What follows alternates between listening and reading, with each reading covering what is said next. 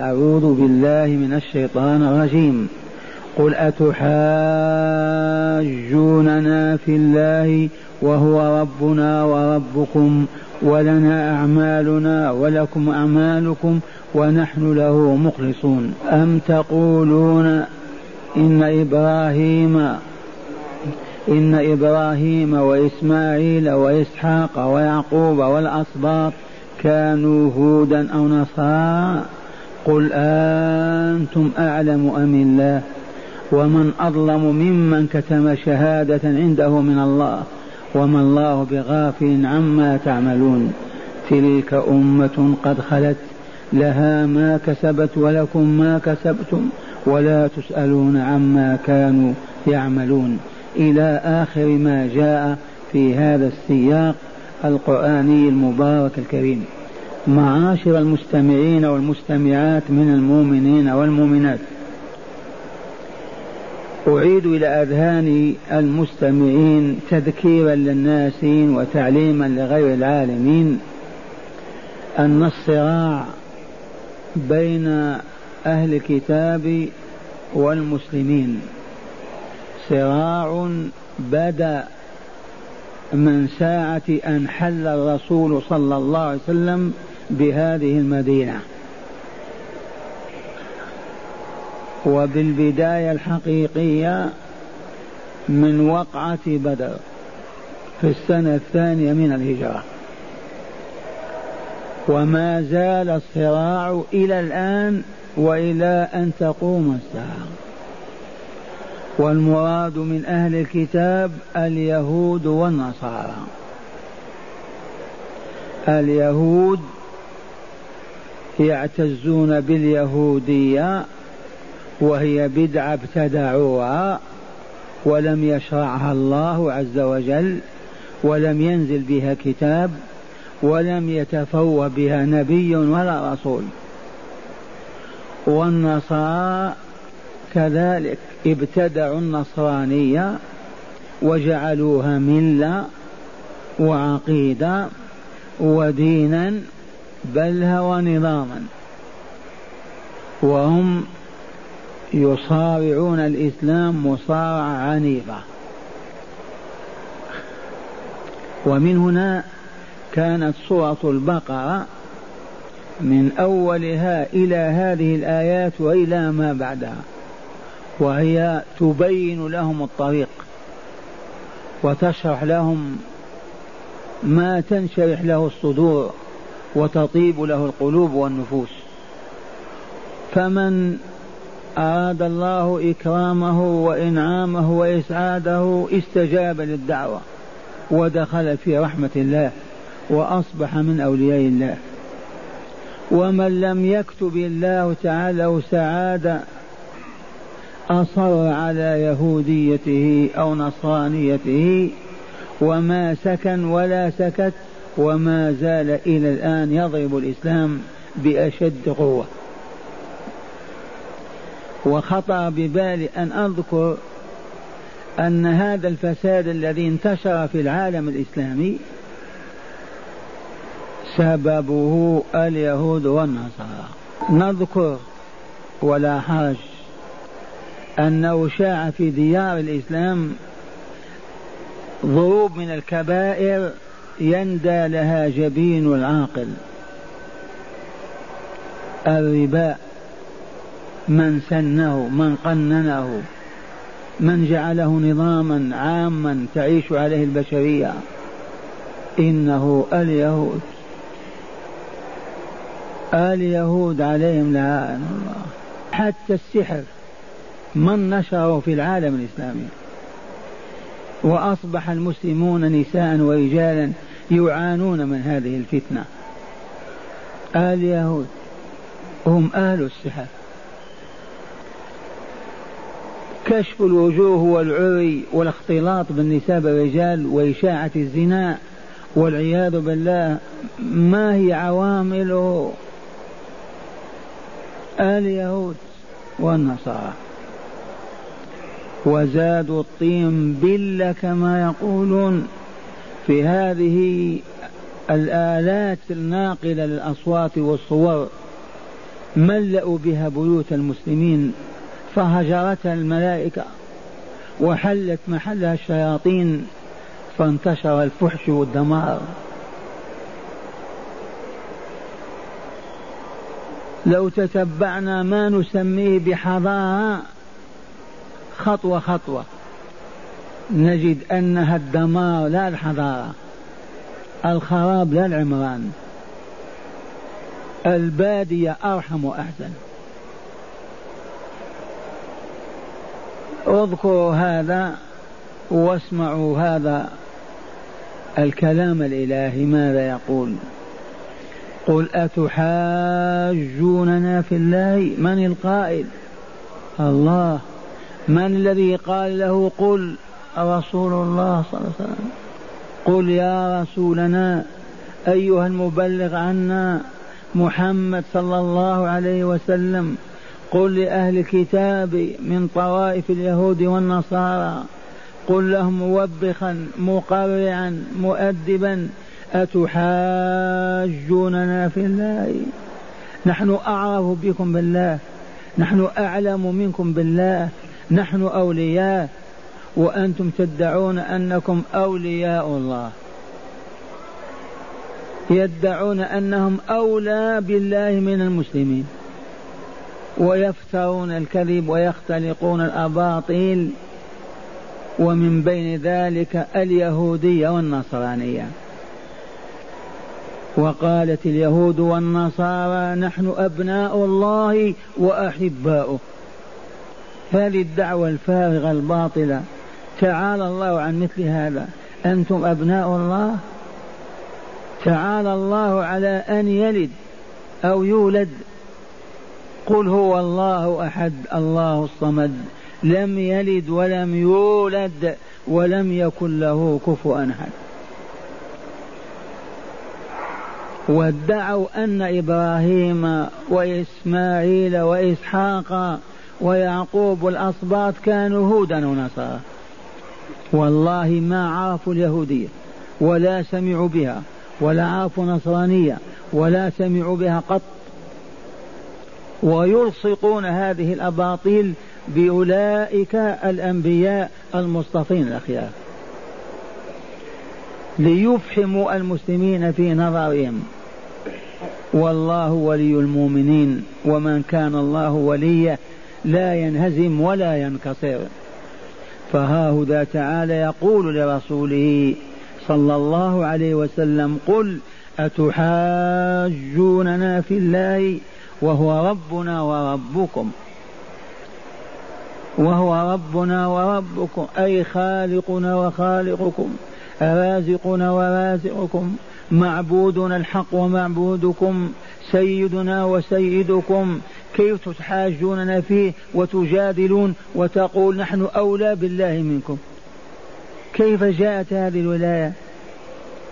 لإيمانكم الهابط الساقط الباطل أو لتقواكم الذي لا وجود لها العهر والفجور والربا وسفك الدماء والشر والخبث كله في وسطهم ويدعون ولاية الله. أولياء الله. هم المؤمنون الصادقون في إيمانهم. المتقون لربهم. الذين لم يخرجوا عن طاعته ولم يفسقوا عن أمره في اعتقاد ولا قول وعلى عمل. أما الذين ما عرفوا الله حتى المعرفة ما آمنوا بحق الإيمان الذين يقولون في الله ولد وله ولد. آمنوا بالله آمنوا بالشيطان. الذين يشبهون الله بمخلوقاته ويقول إنه ينسى ويعطي وبعد يتراجع. وهذا مذهب اليهود لعنة الله عليهم. هذا الإيمان يكونون به أولياء. أما التقوى أين التقوى؟ أين اتقاء ما سخط الله عنه وغضب عليه؟ والوهم واحتضنوهم. وهكذا قل أتحاجوننا في الله وهو ربنا وربكم ولنا أعمالنا ولكم أعمالكم ونحن له مخلصون.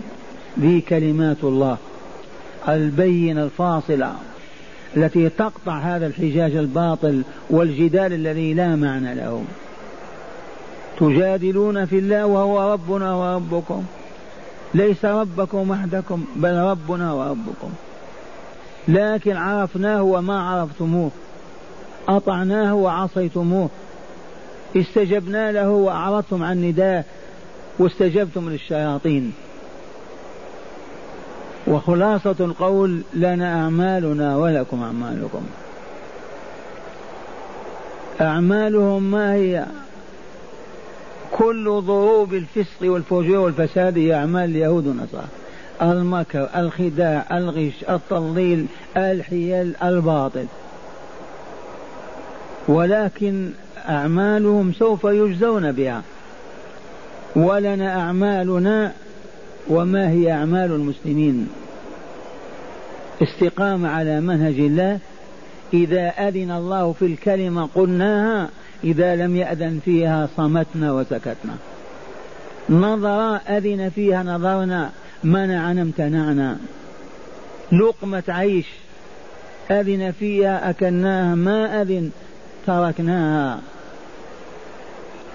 هذه الأعمال التي ترضي الله عنا وتحببنا وتحببه إلينا. هذه الأعمال المزكية للنفس المطهرة للروح البشرية. أعمال شرعها وأودع فيها قوة التأثير في تزكية النفس والتطهير. لا بدع وضلالات وخرافات. يضعها القسس والرهبان والأحبار ويقدمونها لأولئك البلداء الأغبياء الضالين. فيسومونهم ويسوسونهم كما تسام البهائم. من هؤلاء أهل الكتاب؟ تؤمنون بالله وتكفرون برسوله تؤمنون بالله وتجادلون فيه وتكذبون كلامه وكتابه وتنكرونه. أي مسخ في العقل أكثر من هذا؟ تقول نحن أبناء الله أولياء الله. هؤلاء تعالى قد أنزل كتابه القرآن العظيم. كيف تردونه؟ كيف تنكرونه؟ بأي منطق أو حجة أو ذوق؟ واصطفى رسولا وأرسله وعندكم صفاته كاملة وافية. وتحرفون وتؤولون وتغطون وتجحدون وتضللون أتباعكم ولا تؤمنون بخاتم الأنبياء. لنا أعمالنا ولكم أعمالكم ونحن له مخلصون. ذي كلمتنا نحن أيها المسلمون ونحن له مخلصون. أما هم مخلصون للدنيا. والله ما أخلصوا إلا لأهوائهم وشهواتهم وأطماعهم وأغراضهم السافلة المادية. فلو أخلصوا قلوبهم لله وأعمالهم ما باتوا ليلة واحدة على يهودية مبتدعة ولا على نصرانية باطلة. لا تقوم على أساس لا منطق ولا عقل ولا ذوق. فضلا عن الوحي الإلهي. وهم مصرون عليها ويدعون إليها ويحاربون الإسلام حربا شعوى حتى لا يظهر هذا الإسلام. ونحن له مخلصون. أخلصنا له ماذا يا عباد الله؟ أخلصنا له قلوبنا. فقلب المسلم الحق لا يتقلب طول حياته إلا طلبا لمرضاة الله.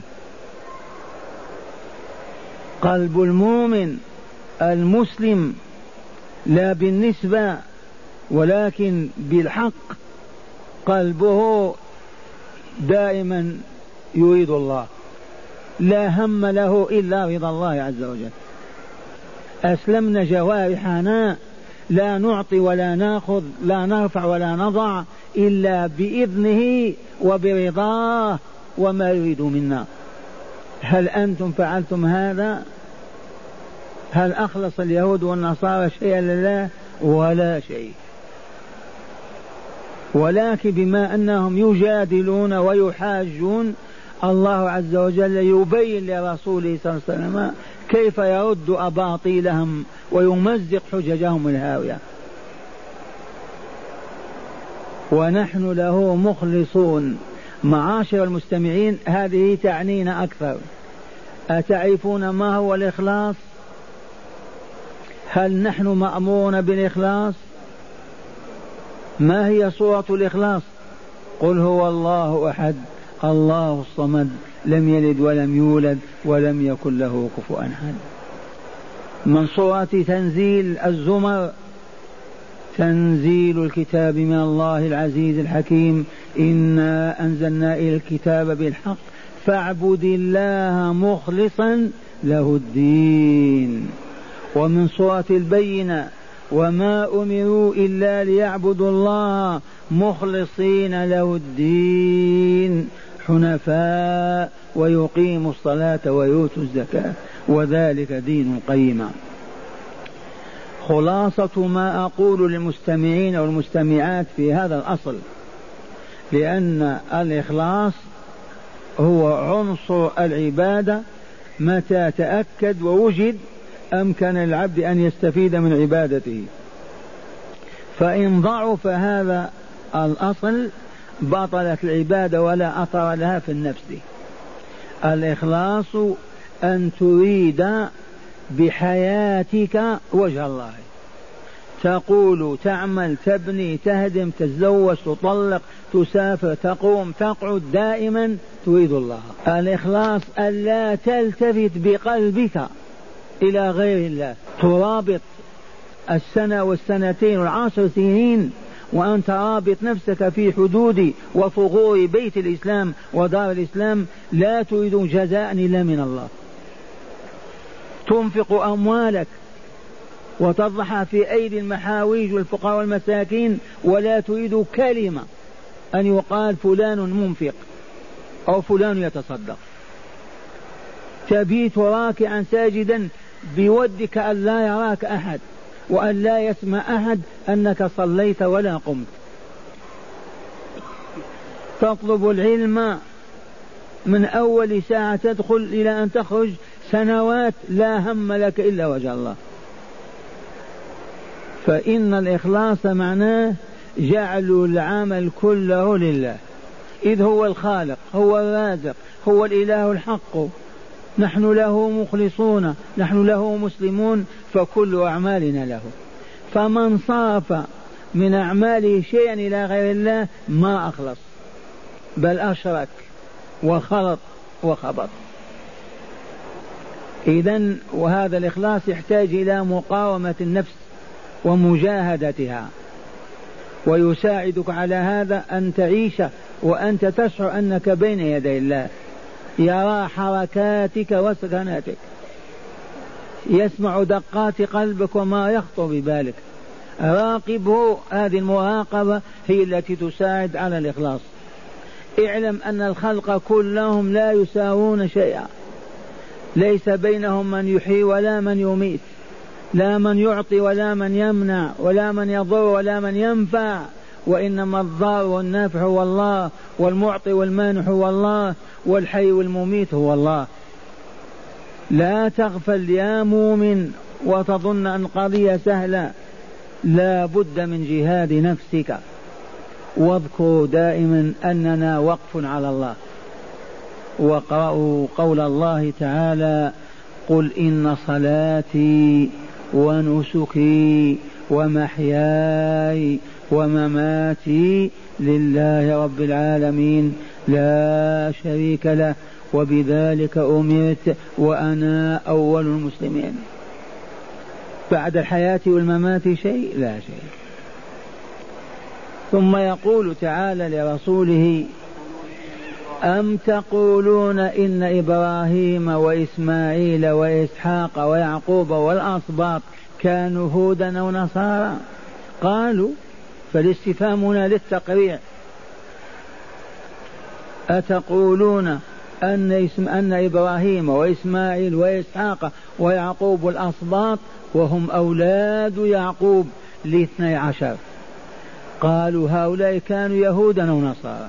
النصارى يقول كانوا نصارى واليهود يقولون كانوا يهود. والله ما سمعوا باليهودية ولا بالنصرانية. اليهودية متى وجدت على عهد موسى؟ لما فسقوا ظلموا خرجوا عن طاعة الله أعلنوا عن توبة في مواقف وقالوا إنا هدنا إليك. فمن ثم عرف بينهم لفظ اليهود. والنصارى من متى؟ قبل نبينا بخمسمائة سنة فقط. قال الحواريون يا عيسى نحن أنصار الله. هو الذي قال من أنصار إلى الله؟ قال الحواري نحن أنصار الله. من ثم وجد كلمة نصارى. كيف يكون إبراهيم وأحفاده يهودا ونصارى؟ ومن سورة آل عمران قال تعالى ما كان إبراهيم يهوديا ولا نصرانيا ولكن كان حنيفا مسلما. إذا يوبخهم يقرعهم بهذا الاستفهام. أتقولون أن إبراهيم وموسى إبراهيم وإسماعيل وإسحاق والأسباط كانوا هودا أو نصارى؟ بمعنى كانوا هودا اليهود يقولون كانوا هودا والنصارى يقولون كانوا نصارى. أما رؤساؤهم من الأحبار والقسس فهم يعرفون أن هذه أباطيل وترهات ليخدعوا بها العوام ويضللوا بها الناس. وإلا كيف توجد يهودية ونصرانية على عهد إبراهيم وولده إسحاق ويعقوب وأحفاده؟ كيف يمكن هذا؟ ولكن حب الدنيا والطمع وحب السلطة والسيطرة على القلوب. لكن القرآن فضحهم ما استطاعوا أن يقفوا أمام هذه الآيات القرآنية. إذا واسمع ماذا يقول تعالى قل الله أعلم؟ قل أنتم أعلم أم الله؟ إن قالوا نحن أعلم كفروا. وكذبوا وانتهى أمرهم. تمزقت رابطتهم قل أنتم أعلم أم الله؟ قل يا رسولنا لهم أخبروني. أنتم أعلم أم الله؟ فإن قالوا نحن أعلم كفروا ولا كلام معهم ولا جدال. وإن قالوا الله أعلم انقطعوا. الله نفى أن يكون اليهود أن يكون الأنبياء والرسل يهودا ونصارى وبهذا قطع ألسنتهم. من علم رسولنا هذه الحجة الله جل جلاله وعظم سلطانه. قل أأنتم أعلم أم الله؟ فإن قالوا الله أعلم الحمد لله. الله نفى ما كان إبراهيم يهوديا ولا نصرانيا. ولكن كان حنيفا مسلما. وما كان من المشركين. وإن قالوا نحن أعلم لا كلام معهم لأنهم كفروا. ادعوا العلم فوق الله. والله عليم بكل شيء والله معلم كل ذي علم. فقطع الله بهذه الجملة خصومتهم. أسكتهم تماما. ماذا يقولون؟ إن قالوا نحن أعلم كفروا. وكذبوا. ولا يقبل منهم جدال ولا صراع ولا كلام.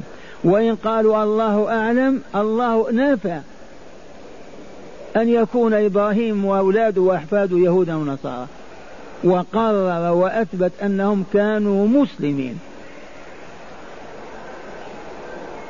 ثم قال تعالى ومن أظلم ممن كتم شهادة عنده من الله. هذه لنا جميعا. اسمعوا هذه الكلمة الإلهية. ومن أظلم ممن كتم شهادة عنده من الله. الجواب لا أظلم منه والله. لا يوجد ظلم أعظم من هذا أبدا. لا يوجد ظالم أعظم ممن يكتم شهادة عنده من الله. ويخفيها ويسطوها ويغطيها.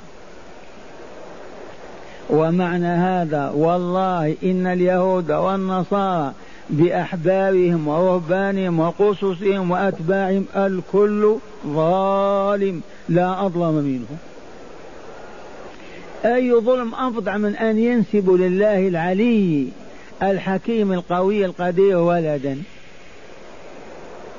وهم يعرفون أم عيسى وأنها مريم ويقولون عيسى ابن الله. أي ظلم أفضح أعظم من هذا الظلم؟ ينسبون إلى الله ما هو منزه ومقدس عنه. وهم يعلمون بأن هذا لن يكون ولم أبدا يعقل. ومع هذا يشيعونه في أتباعهم والمتبعين لهم في الشرق والغرب ويقولون الإله ثلاثة مكون من ثلاثة أقانيم. الرب والابن وروح القدس مرة يقولون؟ مرة يقول ابن والأم وروح القدس؟ إذا فالشهادة التي عندهم وكتموها ولم يخبروا بها هي ما عندهم من صفات النبي صلى الله عليه وسلم ونعوته التي تكاد تصرخ بأن محمدا صلى الله عليه وسلم هو نبي آخر الزمان وأن رسالته عامة للأبيض والأصفر وأنه لا نبي بعده. وأنه هو الذي يدعو إلى الإسلام. هذه موجودة. كيف يكتمونها؟ إذا هل يوجد من هو أظلم من اليهود والنصارى؟ ومن أظلم ممن كتم شهادة عنده من الله. لأن الله أخذ عليهم العهد والميثاق أن يبينوا للناس صفات ونعوت النبي محمد صلى الله عليه وسلم. وقد جاء من سورة الأنعام ولقد أخذ الله ميثاق النبيين لما آتيتهم من كتاب وحكمة ثم جاءكم رسول مصدق لما معكم لتؤمنن به ولا تنصرنه أخذ الله على جميع الرسل والأنبياء وأممهم تابعة لهم إذا بعث الله نبيا وجب أن يؤمنوا به وأن يتابعوا وخاصة خاتم الأنبياء والمرسلين صلى الله عليه وسلم. إذا الآية تقول إن اليهود والنصارى جحدوا نبوة محمد صلى الله عليه وسلم وكتموها وهي شهادة في أعناقهم. أخذ عليهم العهد والميثاق أن لا يكتموها وها هم أولئك قد كتموها. فمن أظلم منهم. لو سئلت عمن أظلم من اليهود والنصارى بهذه تقول لا أظلم. ومن أظلم ممن كتم شهادة عنده من الله. وما الله بغافل عما تعملون. معاشر المستمعين والمستمعات كالإخلاص الشهادة. هذا يتعلق بنا. كما نحن مأمورون بالإخلاص أمر الأولون بالإخلاص. فلتكن أعمالنا نياتنا إرادتنا تحركاتنا كلها مراد بها وجه الله. أعيد القول. الإخلاص حلقة. إذا انقطعت سقط العبد. فإذا تمت استمسك بحبل الله وثبت فلتكن نياتنا إراداتنا خواطرنا حركاتنا سكناتنا في الشارع نمشي فليكن المراد من ذلك هو الله. ثانيا هذه الشهادة. ومن أظلم ممن كتم شهادة عنده من الله. مثلا استشهدك فلان وفلان في قضية من قضايا الحياة. وكنت الشاهد. هل يصح منك أو يجوز لك أن تكتم هذه الشهادة وتخفيها وتجحدها؟ والله ما جاز ولا صح. ونعرف أن كتمان الشهادة والعياذ بالله كشهادة الزور من أعظم الذنوب عند الله. وهذا رسول الله صلى الله عليه وسلم يعلم أصحابه بطريق السؤال والجواب فيقول لهم اجتنبوا السبع الموبقات. قالوا وما هي يا رسول الله؟ فقال الشرك بالله وعقوق الوالدين وشهادة الزور. ثم كررها ألا وشهادة الزور ألا وشهادة الزور حتى تمنى أصحاب أن لو سكت رسول الله صلى الله عليه وسلم. ومع الأسف ما أعطينا للشهادة قيمتها أبدا. فترى الرجل يشهد مع الرجل لا لشيء لمجرد علاقة أدنى علاقة مادية. ونحن مأمورون أن نشهد على أنفسنا. يا أيها الذين آمنوا كونوا قوامين بالقسط شهداء لله ولو على أنفسكم أو الوالدين أو الأقربين. إن يكن غنيا أو فقيرا فالله أولى بهما.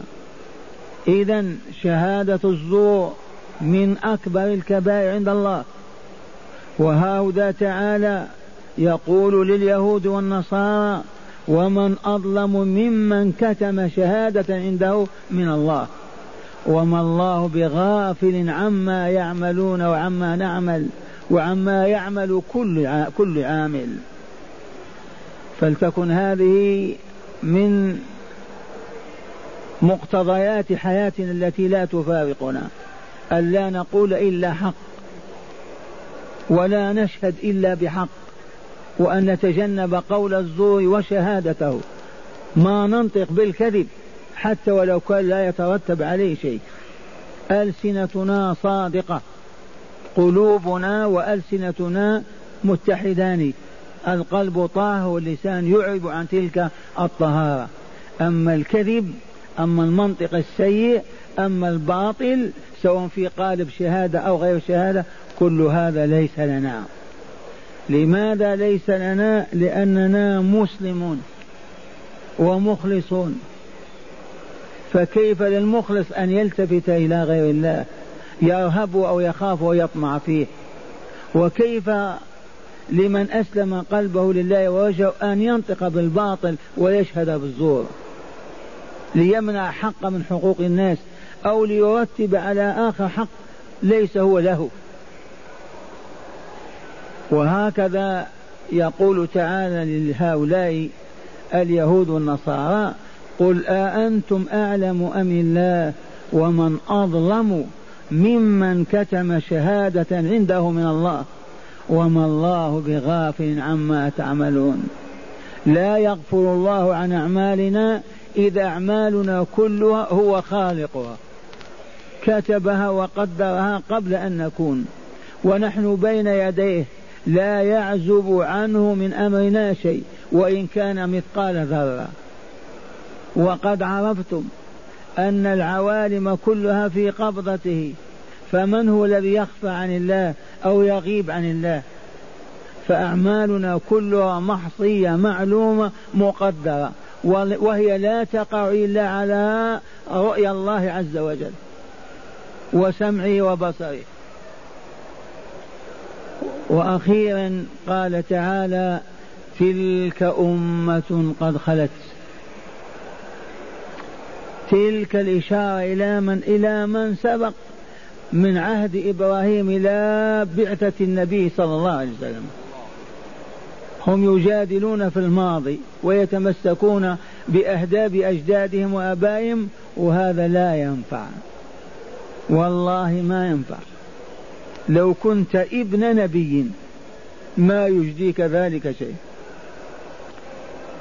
وقد بين تعالى لنا هذه الحقيقة وهي أننا نواخذ بكسبنا لا بكسب آبائنا وأجدادنا. ونعطى ونظفر ونفوز ونربح بكسبنا لا بكسب الآباء والأجداد.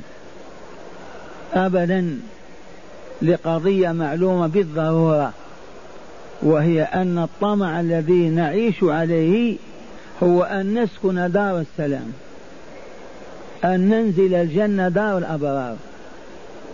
فهذا النزول وهذا السكن في ذلك العالم الأقدس الأطهار لن يتم بالنسب أبدا لا ببنوة ولا بأبوة ولا بأجداد ولا بأحفاد. ما هو إلا أن تزكي نفسك يا عبد الله.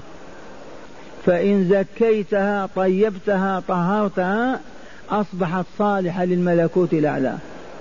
فإن أنت لوثتها وخبثتها رجستها ونجستها مستحيل أن ترقى إلى السماء أو تدخل دار الأبرار. وقد علمنا حكم الله في هذا. قد أفلح من زكاها وقد خاب من دساها.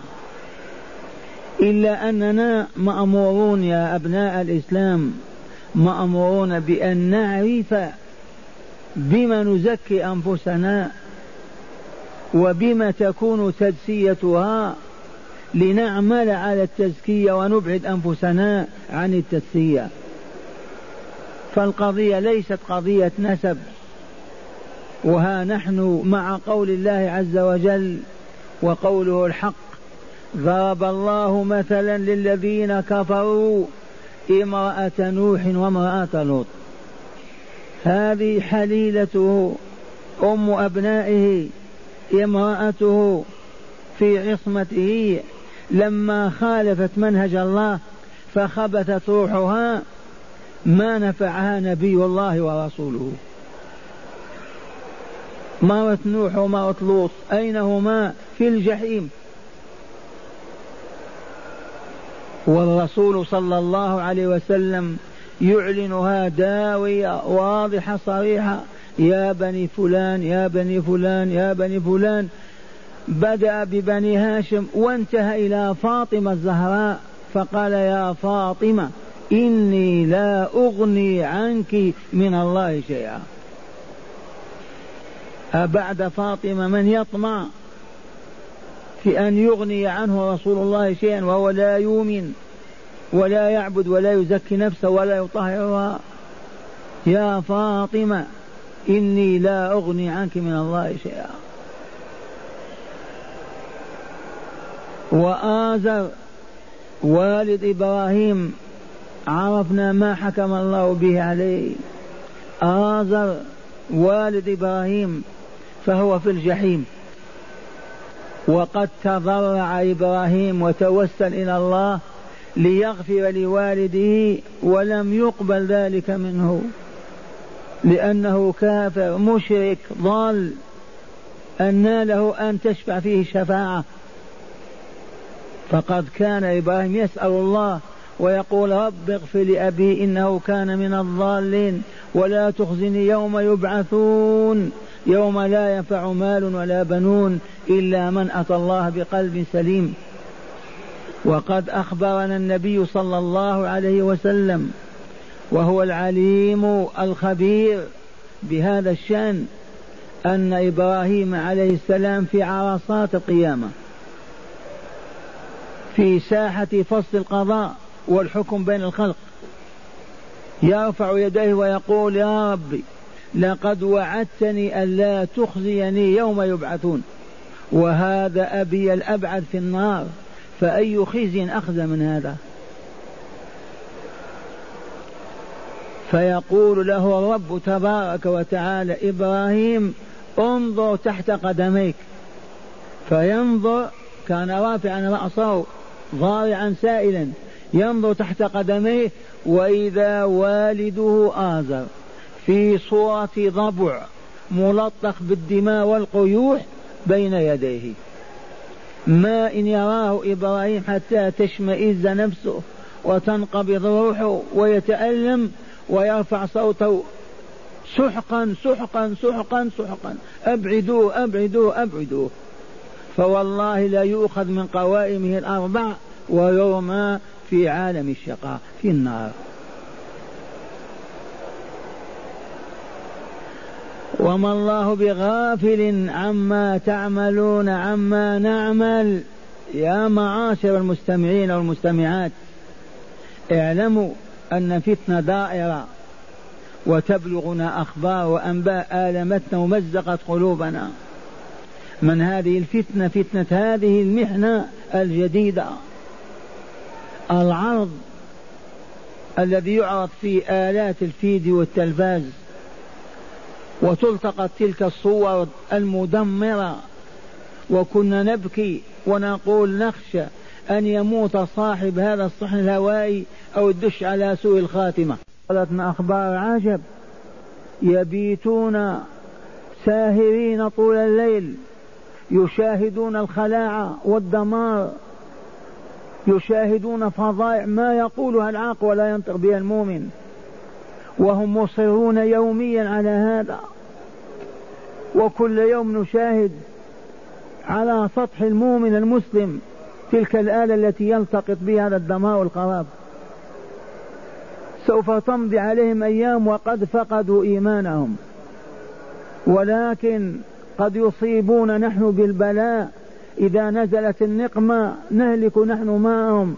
أما هم فهم هالكون من الآن. انتهى الحياء مع الحياء أخو الإيمان. الحياء من الإيمان.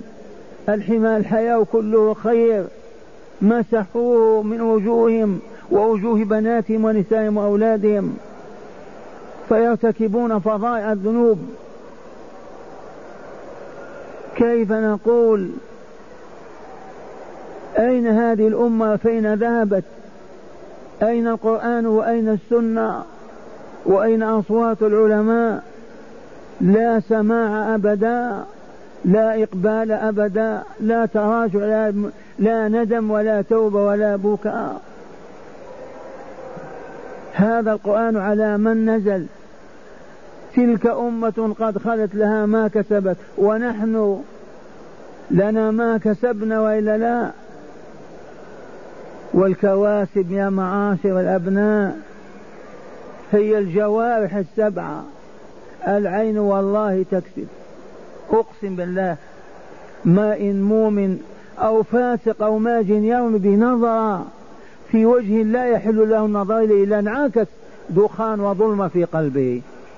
ويجد أثره بعد ساعة أو ساعات فيقول الباطل أو ينغمس في الخبث. ما ينطق بكلمة فقط من غضب الله وسخط الله وقد أخبرنا الرسول بما ما فيه بيان لبس ولا خفى. قد يقول المرء كلمة لا يلقي لها بال ولا يلتفت إليها وهي من سخط الله عز وجل. فيلقى بها في النار أربعين خريفا. كلمة. فهذه الجوارح الكواسب هذه التي نكسب بها اللسان من أشدها. وهذا رسول الله صلى الله عليه وسلم يسأله صاحبه عن عمل يدخله الجنة ويباعده من النار فيقول له كف عنك هذا وأخذ صلى الله عليه وسلم بلسانه. كف عنك هذا.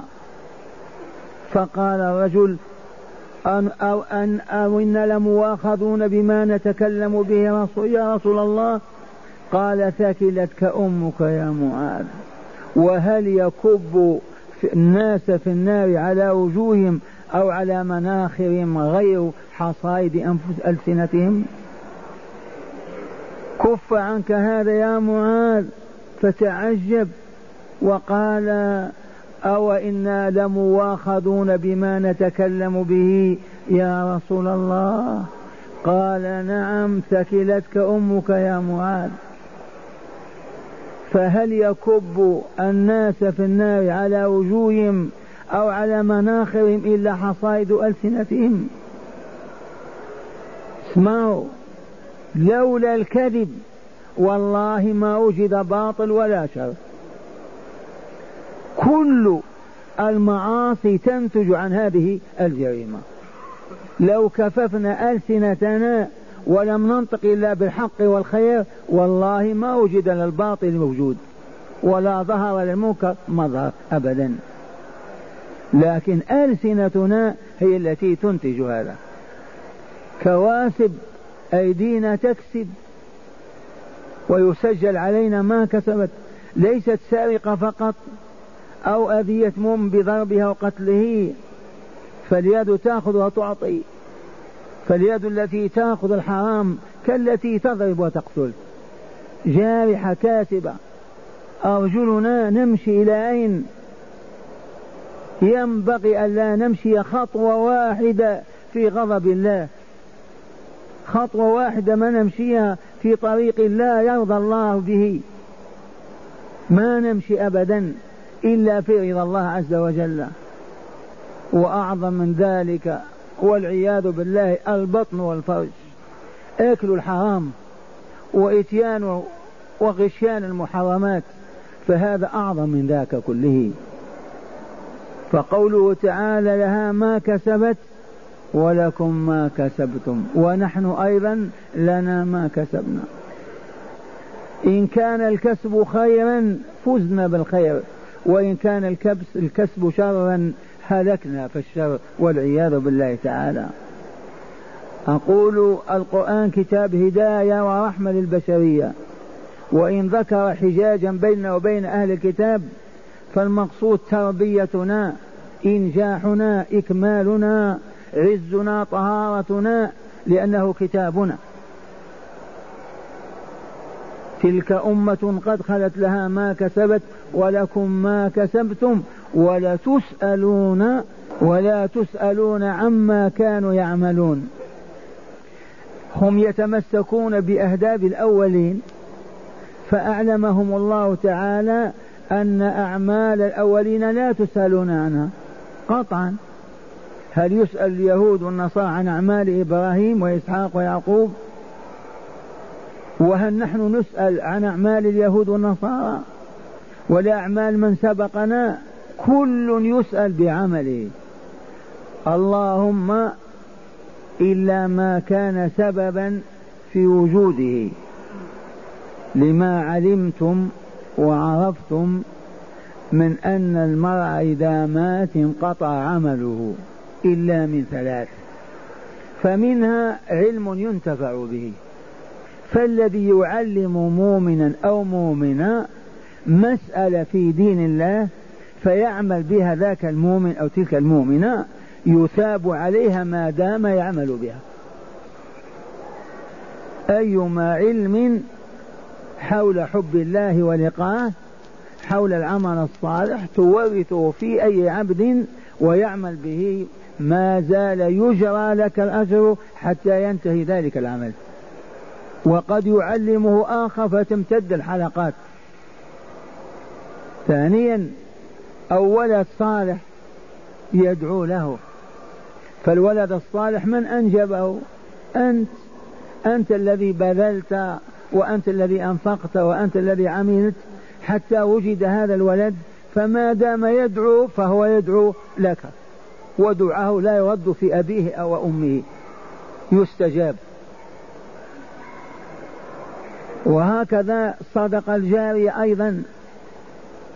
إذا بنى المرء مسجدا أو حفر بئرا ذات ماء عذب للشاربين أو عبد طريقا أو وضع جثة من الجسور أو أعد عدة لدولة تجاهد في سبيل الله فهذا العمل متواصل. فقوله تعالى لها ما كسبت ولكم ما كسبتم هو حق. ومن كسبنا أن نخلف وراءنا من يعمل. ولا تسألون عما كانوا يعملون. هذا ختام هذه ال... هذا الحجاج. ولا تس... ولا تسألون عما كانوا يعملون. فهل أحدنا يسأل عن أبيه إذا مات؟ لا يصلي؟ الجواب يسأل ولا يسأل. إن كان قد بلغ ونصح ودعاه وجلب عليه الصالحين وهدوه فأبى أن يهتدي. ومات والعياذ بالله تاركا صلاة من أهل النار ما يسأل عنه الولد يوم القيامة. لكن إذا قصر ما نصح ما ربى ما علم ما دعا إلى الهدى يسأل. أبناؤك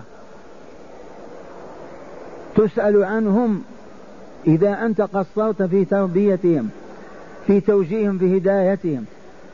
إذا أهملتهم وتركتهم في الشوارع والغابات يعبثون ويلعبون وتأتي إلى البيت فتجدهم غائبين فلا تسأل أو تجدهم نائمين فلا تسأل أنت مسؤول عنهم. هم يعملون الباطل وأنت تفهم تأثم به. وهكذا فالكلمات ليست على عمومها. لنا ما كسبنا ولهم ما كسبوا نعم ولكن من كسبنا ما نكون السبب في إيجاده وحصوله. معاشر المستمعين والمستمعات هذا كتاب الله. أكرمنا الله عز وجل به واجتمعنا عليه. فلله الحمد والمنة. فلنذكر ما سمعنا. ولنبذل ما استطعنا في إصلاح أنفسنا وتزكية أرواحنا. والطريق الوحيد معاشر الأبناء هو ألا نخلو أبدا من مجالس الذكر. ما هذا الذكر؟ مجالس الذكر في بيوت الله.